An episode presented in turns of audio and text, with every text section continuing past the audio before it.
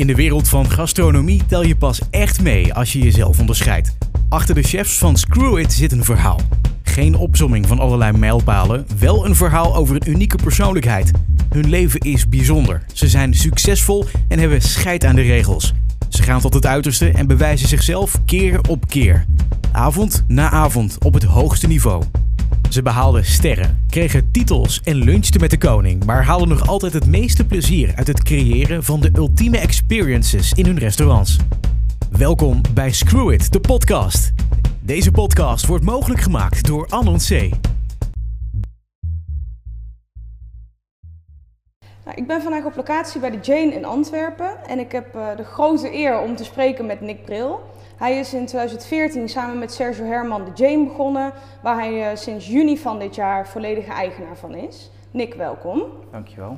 Ik uh, begin de podcast meestal met een vragenvuur. Dat zijn tien korte vragen, die ga ik op je afvuren, bij wijze van spreken.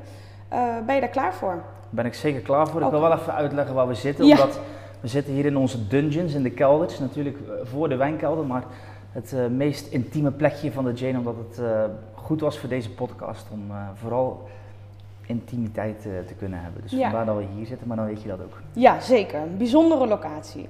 Nou, dan ga ik beginnen met de vragen. Je kan zo snel mogelijk antwoord geven zonder heel lang na te denken. De eerste vraag is, waar ga je het liefst op vakantie? Azië. En wat kook jij het liefst? Italiaans. Hoe zou je jezelf omschrijven in één woord? Entertainer. Wat is jouw favoriete wijn? wisselt altijd. Heeft met de moed te maken. Op dit moment champagne van Frederik Savard. Heerlijk. En wat doe jij op een vrije dag? Tijd aan mijn kinderen en vrouw besteden. Wat is jouw favoriete ingrediënt? Knoflook. En wanneer ben jij het gelukkigst? Um, in Azië, met mijn gezin, aan tafel. Lekker. Uh, heb je liever lunch of diner? Lunch. En waar zou jij nog eens als DJ willen draaien? Berghain. En de laatste vraag is: wat zou jij meenemen naar een onbewoond eiland als je één ding mag kiezen? Een vishengel. Dat is een hele goeie. Uh, laten we teruggaan naar het begin van jouw carrière. Je bent uh, op je veertiende, als ik het uh, als ik me niet vergis, begonnen als afwasser in een Klopt, restaurant. ja. Wanneer kwam je erachter dat jij eigenlijk wilde doorgroeien naar chef? Um, de job als afwasser was een uh, verplicht nummertje. Ik had een, um, een, ongeluk gehad met een scooter, moest terugbetaald worden en centjes verdienen op je veertiende. Dus dat was dan uh, als afwasser. En um, ik vond vooral de sfeer van de keuken, de hectiek, verbroedering, de boze sferen versus het pintje na het werk. dat vond ik een zeer aangenaam gegeven qua cultuur. En ik merkte dat, dat, uh, dat die vier muren van die keuken, die, die creëerden een sfeer waar het soms zeer stressvol was. En ook enorm committed met elkaar. Mhm. En, en dan spreek ik vooral over de mensen die, die er moesten werken. En dat heeft mij toen echt geïnspireerd om mijn ogen te gaan focussen op de horeca. Na een jaartje afwas mocht ik, of eigenlijk tijdens mijn jaar afwassen, mocht ik al bitterballen bakken en kleine huzarenslaatjes dresseren. En vond ik dat superleuk. En ik had totaal geen kennis van horeca of gastronomie. Eigenlijk nog nooit van Michelinsterren gehoord of fine dining. Dus de brasserie waar ik toen werkte was het eerste contact. Maar vooral de, de, de echte sfeer van de keuken heeft mij echt gemotiveerd. En Ja. um, zo de keuze gemaakt voor een hotelschool. En daar is het virus een beetje aangewakkerd, denk ik. Oké. En toen je 19 was, ben je begonnen bij restaurant Oudsluis van Sergio Herman. Hoe was het om daar te werken? Nou, ik heb drie jaar hotelschool gedaan. Dan heb ik drie verschillende stages mogen doen. Um, Koerhuis was de eerste. Um, dan Sint-Gerdag in de bediening. Um, Libreien als laatste. En bij de Libreien had toen nog twee sterren. ben ik echt in een keuken terechtgekomen die zeer leuk was. Mhm. waar de team spirit super goed zat. Waar er ook op een vrij relaxte manier gewerkt werd. Ja. Niet zo heel uh, gestresseerd of uh, hectisch, maar vooral goed georganiseerd en ook met een, een, een mooi level van uh, tevredenheid. Dus daar heb ik echt wel een, een, eerste indruk gekregen van een zaak die echt nog enorm aan het groeien was. Um, waar er toch al heel goed gewerkt werd en goed gestructureerd. Um, klaar met school. een vriend van mij die had stage gedaan bij Oudsluis. Had ik eigenlijk wel van gehoord, want dat was natuurlijk in Zuid-Vlaanderen, maar niet echt bekend mee gesolliciteerd, op gesprek gegaan en dan mocht ik, uh, dus dat was um, einde schooljaar, dus dat was uh, juni. mocht ik in oktober mocht ik starten en eh, toen begon het. Dan ben ik eh, daar gestart, compleet het tegenovergestelde van de Liberijen. Mhm. Ehm, zeer stressvolle keuken, harde omgeving, eh, enorm gedreven, eh, maar lage teamsbezetting ook, dus een heel klein team, dus de, de werkdruk lag gigantisch hoog. Ja. En in tegenstelling tot bij de Liberijen, waar ik eigenlijk goed werk deed en waar ik ook echt complimenten kreeg. Jonny had eh, ook tegen me gezegd van Nick, weet je, kom lekker hier werken. Ik zie wel dat jij de juiste skills in je hebt, dus ik zou je graag bij ons laten beginnen en dan jou een mooi traject laten door laten gaan bij ons. Toch gekozen om eh, in Zeeland te blijven.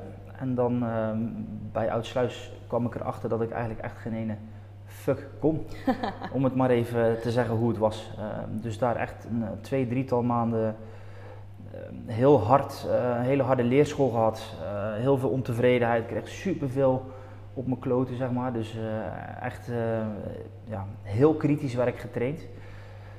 En dat was ook wel echt voor mij de juiste reflectie tussen een zaak die eigenlijk al heel goed op punt stond. En een zaak die zeer ambitieus was, maar eh, echt nog moest, eh, moest ontwikkelen en groeien. Ja. De lat lag veel hoger, de werkdruk lag veel hoger en ook het ijspakket lag veel hoger. Dus ik moest van eh, een 19-jarige jongen die dacht, ah, ik heb wel iets in me. En ik, eh, ik- kreeg veel complimenten vanuit eh, toen de Liberijen en ook wel de mensen met wie ik samenwerkte. Maar het gevoel alsof ik echt nog helemaal niks kon. Mhm.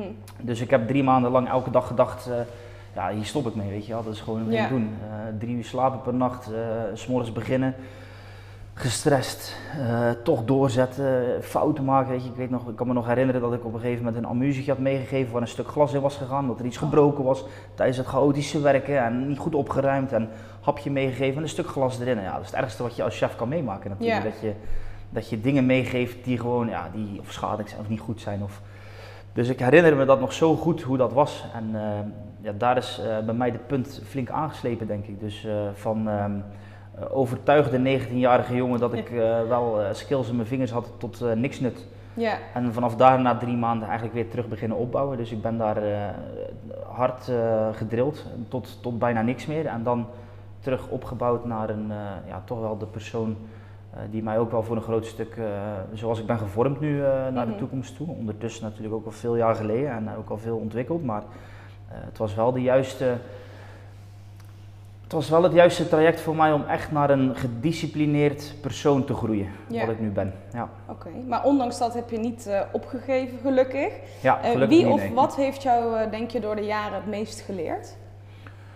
Eh, de basis Oudsluis heeft mij echt gevormd als ehm, harde werker. Ehm, ik denk dat ik ondertussen eh, ook verder geëvolueerd ben naar een slimmere kok en ondernemer. Ja. Ehm, ik denk dat ehm, mijn stages bijvoorbeeld, die ik eh, ook nog de laatste jaren in Oudsluis heb gedaan in het voortraject naar eh, het starten van de Jane. Ik heb een stage gedaan bij Thomas Keller in de French Laundry in Napa Valley. Mhm. Bij Binu, ondertussen allebei drie sterren. Binu was een zeer uitgewerkte keuken met een, eh, een, met geen leuke sfeer in de zaak, maar wel heel veel detail op bord. Ehm, Het was een weekstage, heb ik heel veel geleerd over echte finesse. Eh, French Laundry was voor mij een enorme eye-opener. Ehm, voor het restaurant, grote tuinen. Waar ze eigenlijk eh, veel meer in functie van wat de boeren van de tuin en de mensen die de tuin eigenlijk onderhouden en, en waar ze die kweken eigenlijk veel meer beslissen wat er op het menu komt. Ja. Een hele mooie harmonie tussen het boeren en het creëren van gerechten. Mhm. Een, een, een zaak die gewoon tot in de perfectie uitgewerkt is in werkstructuur, collegialiteit. Ja, de perfectie als gastronomisch restaurant. En dat Ja. was voor mij een enorm inspirerend eh, bezoek. Ehm, ook omdat daar, daar ging het niet alleen maar over de creatie op bord. Daar ging het echt over van ontvangst tot weggaan, tot, tot service, tot, tot eh, de nurturing of their guests, zoals hun daar dan eh, over spraken. Het was gewoon een enorm compleet verhaal. En dat is, eh, als ik nu in mijn ontwikkeling als chef-ondernemer wil kijken naar hoe ik mezelf meer kan verfijnen en beter kan maken, is dat heel vaak nog een referentiepunt naar ehm, ja, wat ook weer helemaal anders was dan de training en, en opleiding die ik bij Uitsluis heb gehad. Dus ik ben mezelf eigenlijk nog heel erg aan het vormen tussen wie ik was, hoe ik geschoold ben en, en tussen de persoon die ik wil worden. Ja. Ehm, ik, eh, ik heb een, eh, ik heb een visie waar ik naartoe wil en ik heb een gevoel waar ik naartoe wil en ik wil daarin echt verder ontwikkelen. Dus ik ben mezelf daar nog enorm aan het oriënteren hoe ik heel goed op bord kan zijn, maar ook, ook goed voor mijn team kan zijn. Hoe ik inspirerend kan zijn voor jonge mensen, voor de nieuwe generatie en hoe ik eigenlijk ook veel meer ook een, een, een leuke gastheer kan zijn. Het is niet alleen maar het lekkere bord, het is wat ik heb gezien in Napa Valley. Het is, uh, je kan de mensen al zoveel meer soigneren van het moment dat ze binnenstappen met alle um, omgevende factoren. Uh, ik wil niet zeggen dat het eten bijzaak is, maar het kan een hele mooie balans zijn tussen de smaken en de kwaliteit en, en in het glas op het bord, maar ook de service en de sfeer, het gevoel van verwend worden, ja. uh, wat natuurlijk heel belangrijk is. En, en, daar ben ik nu steeds meer op aan het concentreren om daar ook uh, sterker in te worden. Oké. Ja. Ja, dat klinkt als een heel uh, mooi vooruitzicht als dat zo. Nou, dat is een beetje de fase waar ik middenin zit. Mm -hmm. um, culinair heb ik wel echt een, een, een, focus op wie ik als chef wil zijn en hoe ik daarin mijn signatuur aan het ontwikkelen ben. maar ik ben er ook heel erg op gefocust hoe ik als restaurateur mezelf ontwikkel. Omdat ja. ik ook stel, zelf steeds meer geniet van het verwend worden. En uh, ik vind toch dat, dat chefs vaak nog te veel gefocust zijn op puur het eten of het bord. De creativiteit van het eten of um, uh, het purisme ervan, wat heel belangrijk is. Maar ik denk dat het verlengstuk net zo belangrijk is. Wat er in de zaal gebeurt en, en hoe mensen vier, vijf uur tafelen uh, ervaren. Ja. ja. Oké, okay. en in 2014 kies je samen met Sergio ervoor om hier de chain te starten. Ja. Kun je je de opening night nog herinneren? Ja, uh, kan ik zeker herinneren. We hadden toen ook een cameraploeg uh, op de vloer staan, omdat er een documentaire werd gemaakt uh, over Sergio. En ik kan me nog herinneren dat ik op een gegeven moment tegen die mensen zei dat ze echt weg moesten gaan uit de keuken, omdat het gewoon zo stresserend was. En, um, en dat is een beetje hetgene wat ik net bedoel. Ik denk dat hoe ik um, als jonge chef getraind ben, is vrij chaotisch. Ja. En ik probeer steeds meer naar een goed gestructureerde chef door te groeien. Dus iemand die... Um, uh, het werk zo goed uitwerkt dat een start of een openingsavond nu zou veel beter moeten verlopen dan hoe die toe was. Ja. Um, dus ja, die was, uh, die was enorm gespannen. Maar ja. we hadden ook een enorme hype op, op de opening zitten. We zijn gestart met. Uh, dus ik had de ambitie om iets zelfstandig te starten. Sergio die had toen Pure C gestart, dus die wou dat samen met mij nog een keer doen om een, een nieuwe zaak op te starten samen met een chef. Um, en ik ben dan beginnen werken op ook de communicatie heel erg. Dus uh, Facebook was toen in ja. beginjaren, Instagram was toen eigenlijk net gestart. Dus wij hebben heel hard op die social media zitten teasen van wow, er komt iets aan. En we hebben met trailers gewerkt en filmpjes. En wat, wat nu natuurlijk gewoon ja, standaard is geworden. Ja. Maar toen was dat eigenlijk voor een restaurant nog helemaal uh, nieuw. En zijn we echt gaan teasen naar de opening van de Jane toe. Dus ik denk dat de wachtlijsten waren gigantisch. Um, de, we waren al volgeboekt drie maanden vooruit, wat hier ja, bijna nog nooit uh, gebeurd was voor een nieuw te starten restaurant. En we Ja. hebben echt een hype gecreëerd. Dus ja, de, de lat lag ook enorm hoog. Mhm. Dus en was wel hype, spannend, is, ja. die hype is natuurlijk ook eigenlijk uh, niet echt meer weggegaan. Het is nog steeds heel succesvol. Um, het is minder gehyped. Ik denk dat we, dat we echt door zijn gegroeid naar een duurzamer verhaal. Uh, daarmee wil ik zeggen dat, je, dat we altijd vol zitten, maar um, wel heel doelbewust gewerkt naar doelgroep, uh, soort van gasten, spendeerbudget, weet je, echt onze eigen markt verkend in wie past er nu bij ons en waar passen wij bij als restaurant zijn of als, als uh, hospitality project. En, en echt uh, proberen heel goed te werken op uh, wat mensen van ons verwachten en wie we willen zijn. Dus ja, gewoon een heel solid gegeven proberen uit te bouwen. Ja. En kun je me nog wat meer vertellen over de Jane zelf? Want het is natuurlijk een uh, gebouw met een bijzondere geschiedenis, wat Ja. jullie in een uh, prachtige nieuwe setting hebben getoverd. Je hebt bijvoorbeeld het restaurant op de begane grond, maar jullie hebben ook de Upper Room Bar. Kun je me daar iets meer over vertellen? Nou, het is natuurlijk een oude kapel. Um, het plafond is 14 meter hoog. Uh, we hebben op dit moment uh, doen we in het restaurant 50 zitplaatsen, uh, dus lunch en diner. Uh, de uproom bar is altijd een foodbar geweest. Meer toegankelijk concept, dus lager budget.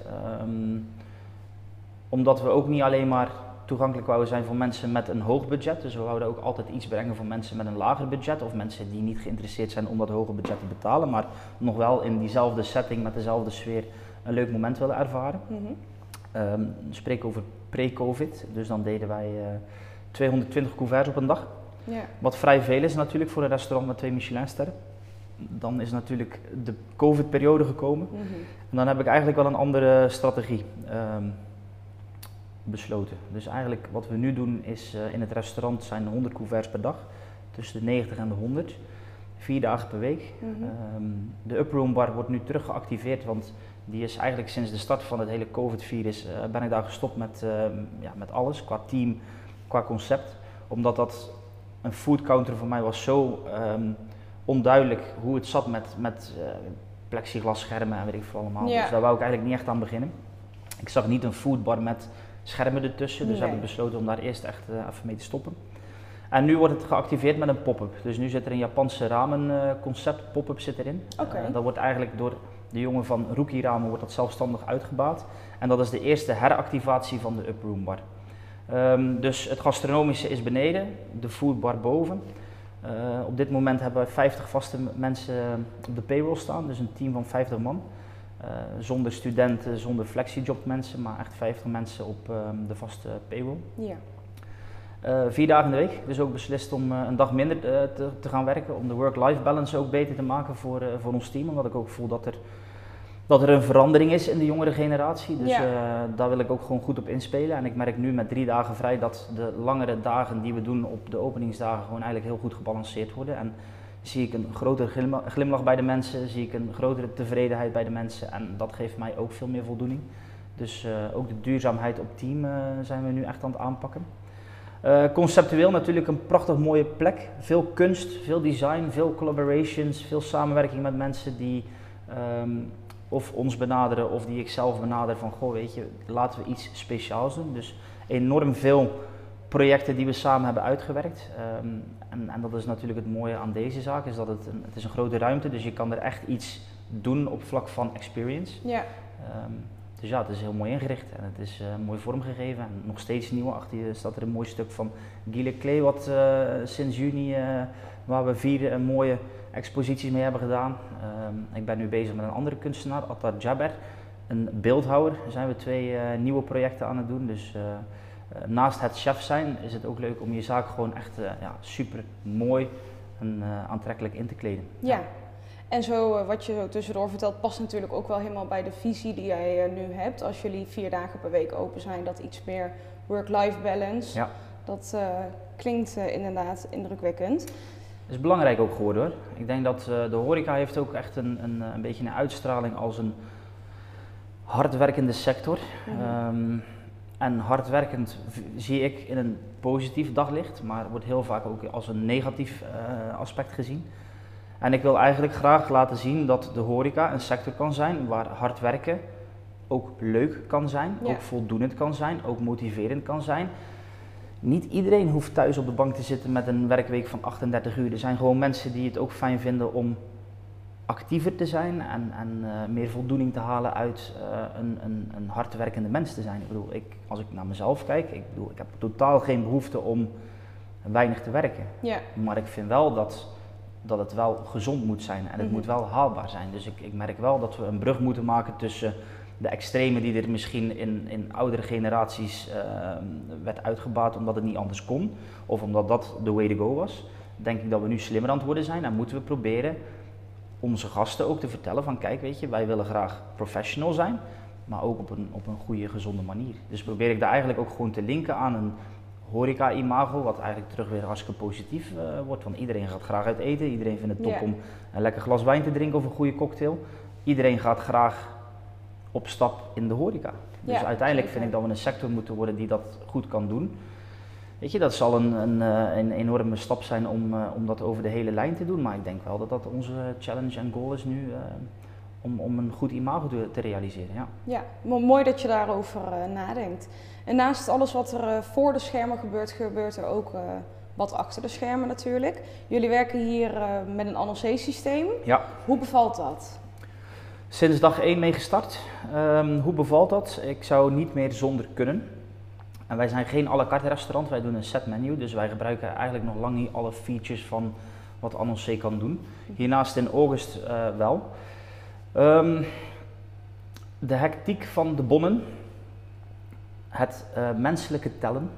het, uh, de menselijke fouten en daardoor ook de issues die, waar je mee te maken krijgt, ja, die zijn bij ons eigenlijk gewoon helemaal weggereduceerd. Dus ik denk dat we nu um, een systeem hebben en wij gebruiken beperkte features, omdat het gewoon een vast menu is. Dus we weten van tevoren perfect wie wat gaat eten. En dus bij ons is het veel meer structuur, overzicht, communicatie tussen keuken en zaal en, en andersom.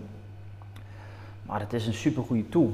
Um, en ik zeg dat nu niet omdat we als ambassadeur de eerste in België waren of zo, maar het is gewoon meer dat ik, dat ik voel dat er heel veel rekenwerk, heel veel twijfel, heel veel discussie eigenlijk wegvalt. Doordat je gewoon een systeem ertussen steekt wat, ja, wat heel veel werk uit handen neemt. Dus um, weet je, wij kunnen in de zaal zien wanneer de sommelier klaar is met zijn wijnen te schenken. Wij zien wanneer de mensen die het bestek neerleggen uh, klaar zijn met indekken. Uh, wij kunnen mensen sneller laten gaan, langzamer laten gaan. We hebben alle dieetwensen hebben mooi aangepast staan met de juiste gerechten die daarbij, die daarbij horen. Dus ja, er is, een, er is een enorme stap gemaakt door te werken met een geautomatiseerd systeem die eigenlijk de routing beslist of, of in ieder geval opvolgt. Mm -hmm. dus qua communicatie uh, is het top. Zou ik er ook niet meer zonder kunnen, daar ben nou, ik eerlijk in. Dat is fijn om te horen. Ja. Zonder en... promotionele uh, motivatie, maar gewoon ja, echt puur ja. op ervaring. Ja. Nou, top. En je had het net al over ambities en een visie voor de toekomst. Heb je zo concrete plannen die je al kunt delen of is het allemaal nog binnen het hoofd? Ik ben net gestart met een nieuw project in de Malediven.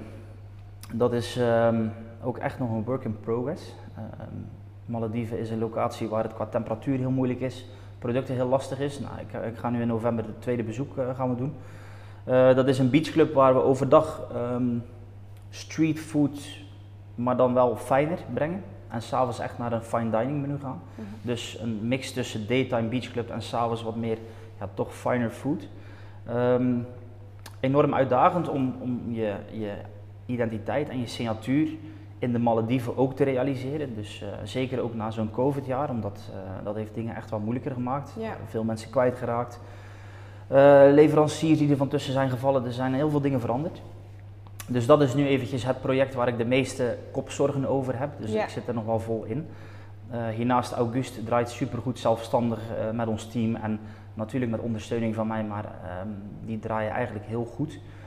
Um, dus daarin heb ik veel meer een begeleidende, coachende rol. Dus dat geeft ook wel heel veel voldoening. Um, de Uproom Bar, dus waar we nu met uh, pop-ups uh, ja, aan het activeren zijn, zou ik heel graag willen gaan naar een uh, fully plant-based concept. Oké. Okay. Je voelt dat vegan en niet eens vegetarian, want in het restaurant doe ik wel gewoon een vegetarisch menu. Mm -hmm. Maar echt vegan, zonder zuivel, zonder niks van dierlijke producten, dat, dat is nog te complex om er ook nog naast te hosten. En ik vind het wel jammer dat ik tegen echte mensen die echt vegan zijn, moet zeggen, sorry, wij, wij zijn er niet voor jullie. Ja. Dus daar wil ik nu graag aan gaan beginnen om daar ook een, een concept voor te realiseren, dat ze toch in onze locatie, in onze setting, ook echt een fine dining experience kunnen hebben, maar dan fully plant-based. Um, en dat is nu wel de volgende stap uh, waar ik aan wil beginnen. Okay. Dus dat is wel hier in, in ons eigen huis. Um, maar daar zou ik wel graag dezelfde sfeer van binnenkomst tot buiten gaan.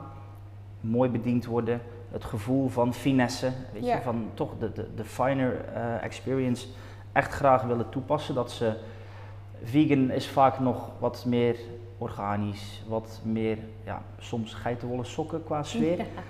Uh, en ik zou heel graag onze ja, stijl van gastronomie ook voor, voor uh, ja, volledig plantaardige eters uh, willen gaan bieden. Dus dat is eigenlijk waar ik nu op gefocust ben. Ik krijg veel aanbiedingen vanuit het buitenland. Ik merk nu na de COVID-periode dat er heel veel interesse is om te investeren vanuit mensen die echt een goede locatie hebben of die gewoon budget hebben. Dat er echt een, een enorme investeringsdrang is nu. Dus ik krijg enorm veel voorstellen om nieuwe projecten te doen. Dat is natuurlijk altijd aantrekkelijk, maar ik denk dat ik ook wel iets duurzamer als dat wil, wil kijken. Dus ik ben heel selectief. Dus ik, ik, ben nog wel steeds gedreven om er nog dingen bij te doen, maar ik, uh, ik heb eerst het gevoel dat ik hier terug.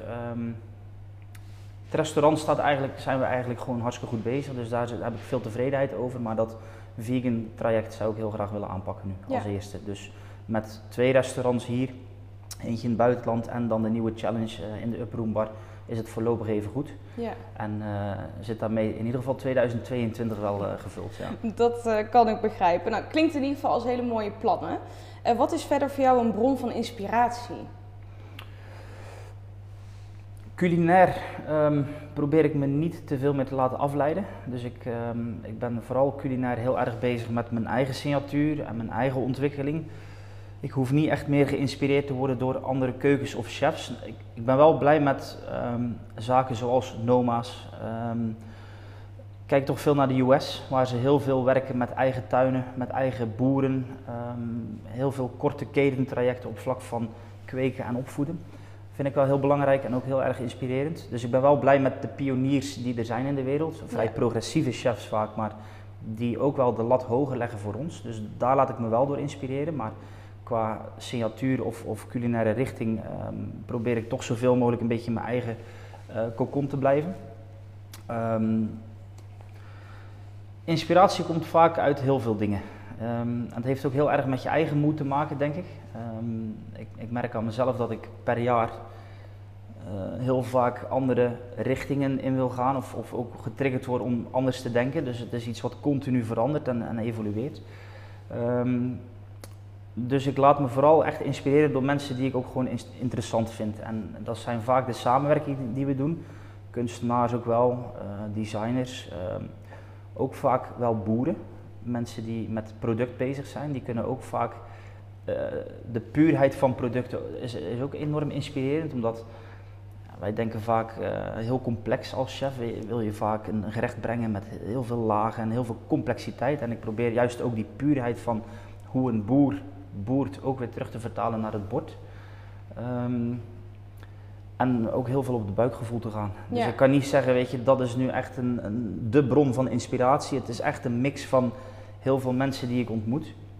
En ik heb eigenlijk geprobeerd, ook met het DJ bijvoorbeeld, wat ik nog steeds erbij doe, is is de muziekwereld is weer een hele andere wereld. Een hele andere soort mensen, hele andere contacten. Dat inspireert ook weer enorm naar hoe ik hier de beleving in het restaurant vormgeef. Dus mhm. ehm, het is ook het, een beetje het, de, de multi-activiteit die ik doe, brengt mij met zoveel mensen in contact dat ik daar heel veel verschillende invalshoeken van krijg. En ik denk dat dat ook, dat is altijd een beetje mijn advies naar jonge chefs. Blijf niet alleen maar hangen in die keuken, maar open je wereld. Reis, ontdek, verken. Doe eens wat anders dan koken. Doe eens iets anders dan ehm, met eten bezig zijn. En ehm, ik denk dat als je je, je horizon verbreedt en, je, en je, je vizier opent, dat je heel snel in contact komt met dingen die je echt cool vindt. Of die, je, die je echt kunnen motiveren of die je echt triggeren om eens anders na te denken over wat je zelf doet. Dus ik vind ook vooral jezelf openen naar de wereld is heel belangrijk uh, als inspiratiebron. Ja, dat kan ik begrijpen.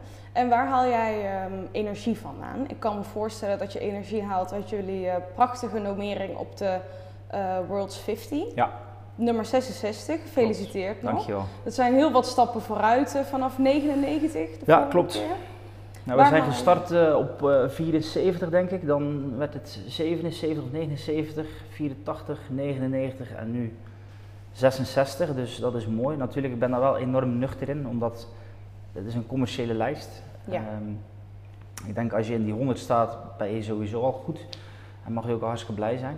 Ehm, wat wel boost, is vooral merken dat als bijvoorbeeld, nu is dat event is hier ook in Antwerpen geweest, zijn er heel veel collega's geweest die waren allemaal super enthousiast. Dat geeft wel heel veel energie. Ja. Dus als je voelt van ehm, collega's of gasten die je zaak eigenlijk echt heel erg appreciëren, dat geeft heel veel energie ons team zit goed in hun vel. Gasten zijn blij, zijn appreciatievol. Dat is, geeft enorm veel energie als je het gevoel hebt dat je zaak ook goed werkt op dit moment. Ehm, ik kan ehm, veel energie halen ook door, uh, zoals ik net vertelde, ook eens helemaal uit het restaurant te stappen. Wat ik mhm. bijvoorbeeld ook met de DJ heb. Um, de muziek is een enorme opfrisser. Een enorme opfrisser, zeker in stressvolle periodes. Dus als het heel druk is of soms moeilijk gaat, dan is ook die uitstap als DJ om even op een festival te staan of in een club geeft enorm veel zuurstof. Dus ook dat uh, motiveert mij altijd wel heel erg goed. Reizen is heel belangrijk. Het ontdekken van nieuwe keukens, het um, ontdekken van nieuwe restaurants, van uh, nieuwe culturen, geeft een enorme boost aan je eigen drive. Dus uh, ik denk dat je vooral jezelf goed moet leren kennen in hoe je, um, hoe kan je jezelf goed op punt houden. Hoe kan je jezelf energiek houden en kan je jezelf motiveren om frisse motivatie uh, ja, te voelen. Ja, dat is dus, mooi. Uh, een stukje eigen kennis is ook wel heel belangrijk, denk ik. Ja. ja. En jij bent, uh, zoals je net al een paar keer hebt gezegd, een, een echte ondernemer. Dat is iets wat ik en ik denk vele anderen bewonderen aan jou. Naast de Jane heb je natuurlijk nog een aantal andere projecten. Ja. Um, beginnend bij Pact. Ja. Kun je me daar wat over vertellen? Pact ligt naast de Jane. Um, 50 meter zit er tussen, denk ik. En dat is een industrieel pand.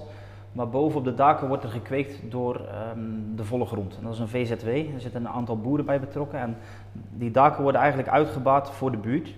Dus mensen kunnen daar met een abonnement kunnen ze daar een stukje tuin kunnen ze huren. Die worden voor hun onderhouden, dus dat wordt ingeplant, dat wordt, uh, onkruid wordt weggehaald.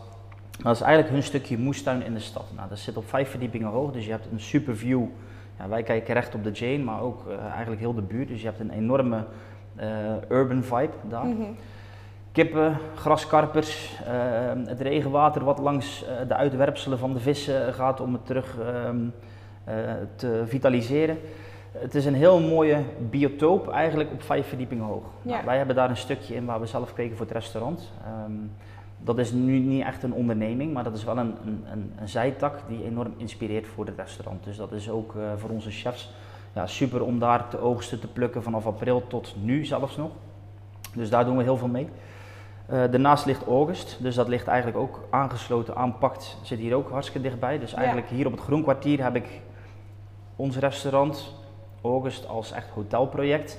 En dan Pact, wat eigenlijk drie verschillende entiteiten zijn die, ja, die het verhaal hier op het Groenkwartier heel erg mooi maken. Dus dat, uh, dat gebeurt er hier.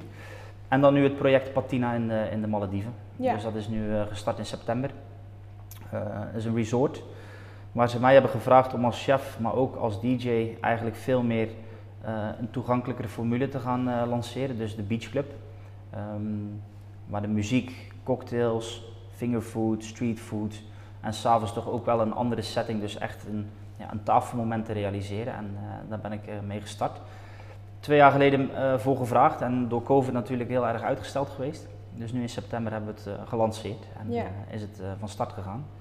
En dat is niet makkelijk, want je zit natuurlijk met vier uur tijdsverschil, je zit met een vlucht van 11 uur. Um, we gaan nu zeven dagen ga ik er naartoe.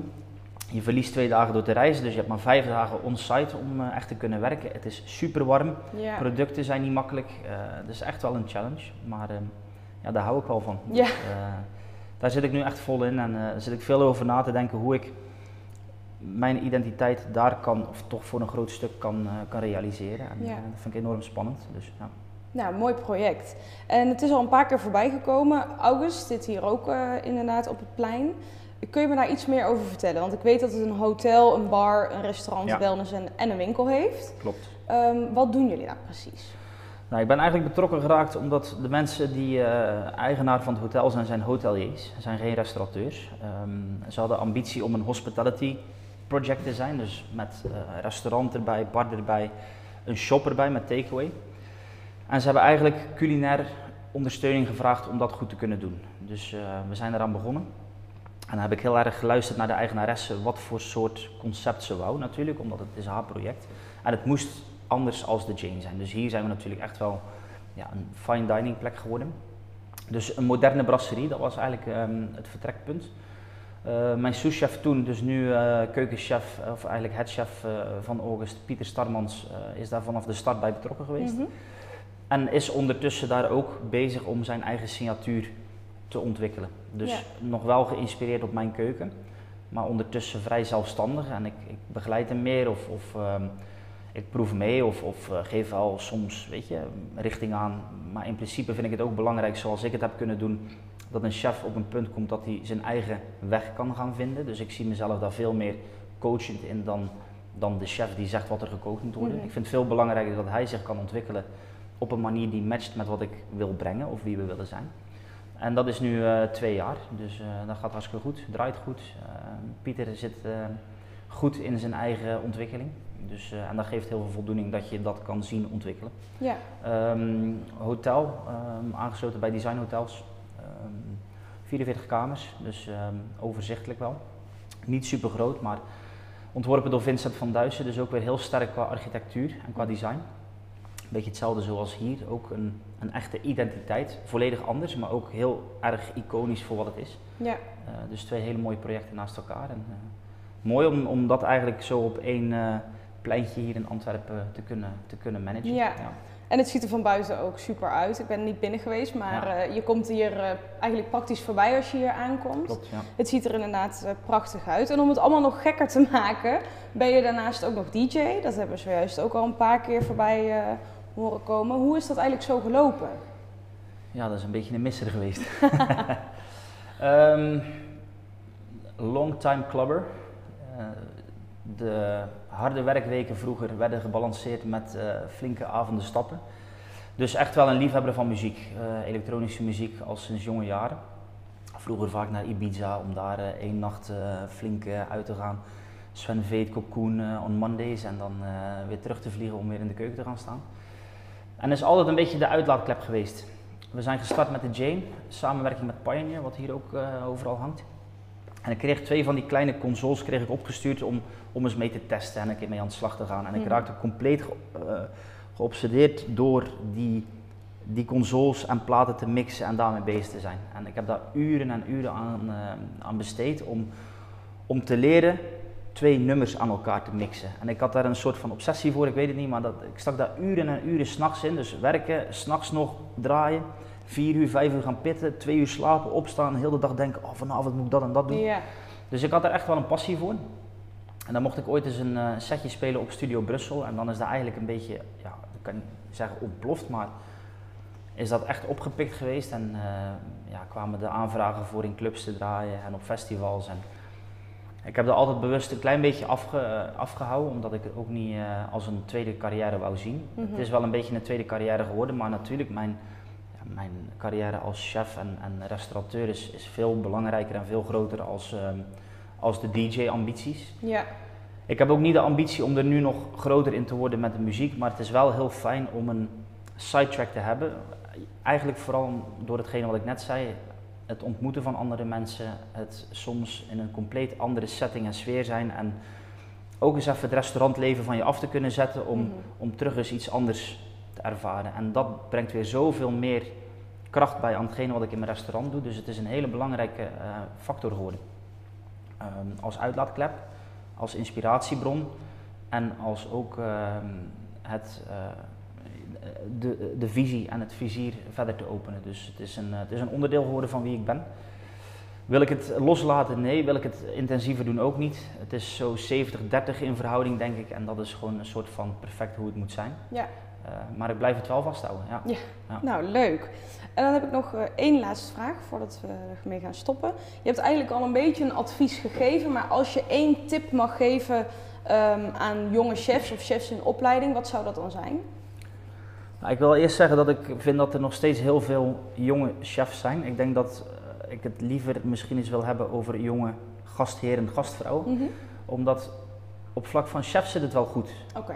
Ze worden goed opgeleid. ehm, ze, ze krijgen veel inspiratie door de gekende chefs in de wereld. Ik denk dat ook de, de mentoring heel erg goed gaat.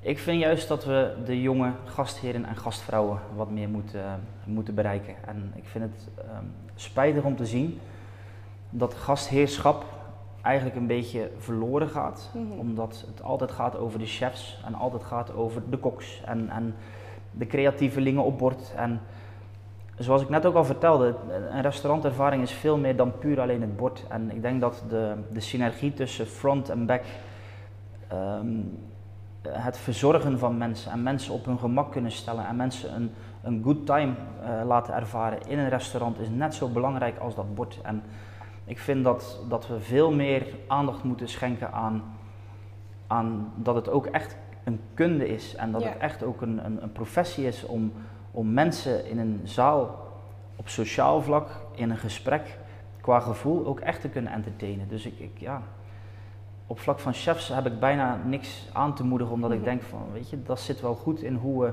jonge mensen aan het opleiden zijn. Ook de, de transparantie die er is. Er is heel veel transparantie op vlak van restaurants. Er wordt superveel op Instagram gedeeld. Eh, restaurateurs en, en chefs zijn enorm delend en enorm ehm, open met hun kennis.